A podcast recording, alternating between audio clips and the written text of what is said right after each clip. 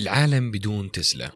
عاش معظم حياته يحارب المشككين في اختراعاته ولولا لما استطاع العالم العيش في إضاءات ليل ونهار. وبالرغم من كل اللي فعله لنا وللأرض اعتبروه العامة عالم مجنون ومات وحيد ومفلس تماما. هذا هو نيكولا تسلا رجل الكهرباء الأول في العالم واللي قدم تشكيلة اختراعات غيرت وجه الأرض وسرعت من قدرتنا على التواصل. نعرف تماما أنه اسم تسلا ارتبط بالتيار ولكن لازم ما ننسى أنه مهد لاكتشاف جهاز التحكم عن بعد ومعظم تقنيات التواصل اللاسلكي. هذا المجنون اللي أضاء العالم لم يحصل على التقدير اللي يستحقه في حياته لم يحصل على ما يستحقه نظير أكثر من 300 اختراع بالإضافة إلى اكتشاف معظم تقنياتنا اللي نعيشها اليوم. ولد تسلا في كرواتيا عام 1856 ميلادي في وسط ليلة صيفية عاصفة يقال أن القابلة تشاءمت من هذه الليلة ومن الطفل. واعتبرت هذا المولود الجديد لعنة على الأرض. ومن هذا اليوم كتب في شهادة ميلاد تسلا عدم التقدير والحرمان من الاستحقاق. كبر الطفل نيكولا وأصبح طالب مميز وأظهر كل الإعجازات العقلية مقارنة بزملائه خاصة في العلوم والرياضيات. لدرجة جعلت معلميه يتهمونه بالغش. مستحيل أنه يمتلك طفل كل هذه المواهب العلمية. هذا المستحيل اللي حرم تسلا من التقدير سيتحول لاحقا إلى منطقته المفضلة ومنتجعه المحبوب. مرحلة المراهقة لم تختلف كثيرا على نيكولا واللي أصيب بمرض نادر تسبب في فصله من المدرسة وها هي المدرسة تلفظه هي الأخرى ليعود من الباب الخلفي بعد شفائه متجاهلا رغبة والده أنه يتحول إلى خادم في الكنيسة. أصر نيكولا على مرافقة الأرقام والمعادلات الحسابية وعالم الأثير.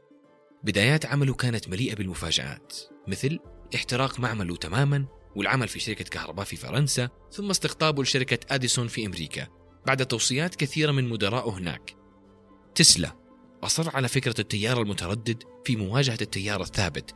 هذا الإصرار اللي تسبب فيما يسمى لاحقا بحرب التيارات. في عصر الكهرباء تربع توماس أديسون على عرش البطولة وكان تياره المستمر هو المعتمد في الولايات المتحدة. وكانت أي تقنية جديدة لهذا التيار تعتبر تهديد لأديسون ولأعماله التجارية وعائداته.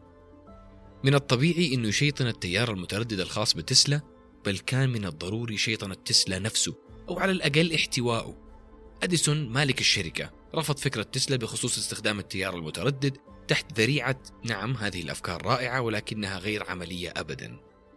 وهكذا بقي تسلا تحت رحمة أديسون والتيار الثابت والأجر الأقل من القليل.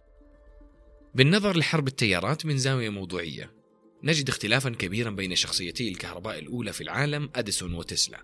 كثير من المقالات والدراسات تعاملت مع الحرب بطريقة درامية. أيهم شيطان وأيهم ملاك. من استغل من ولصالح من؟ تسلا زي ما ذكرنا كان مواطن صربي انتقل للعمل في شركة هاتف في بودابست ومنها إلى باريس واحتل مكان مهم في شركة أديسون في باريس.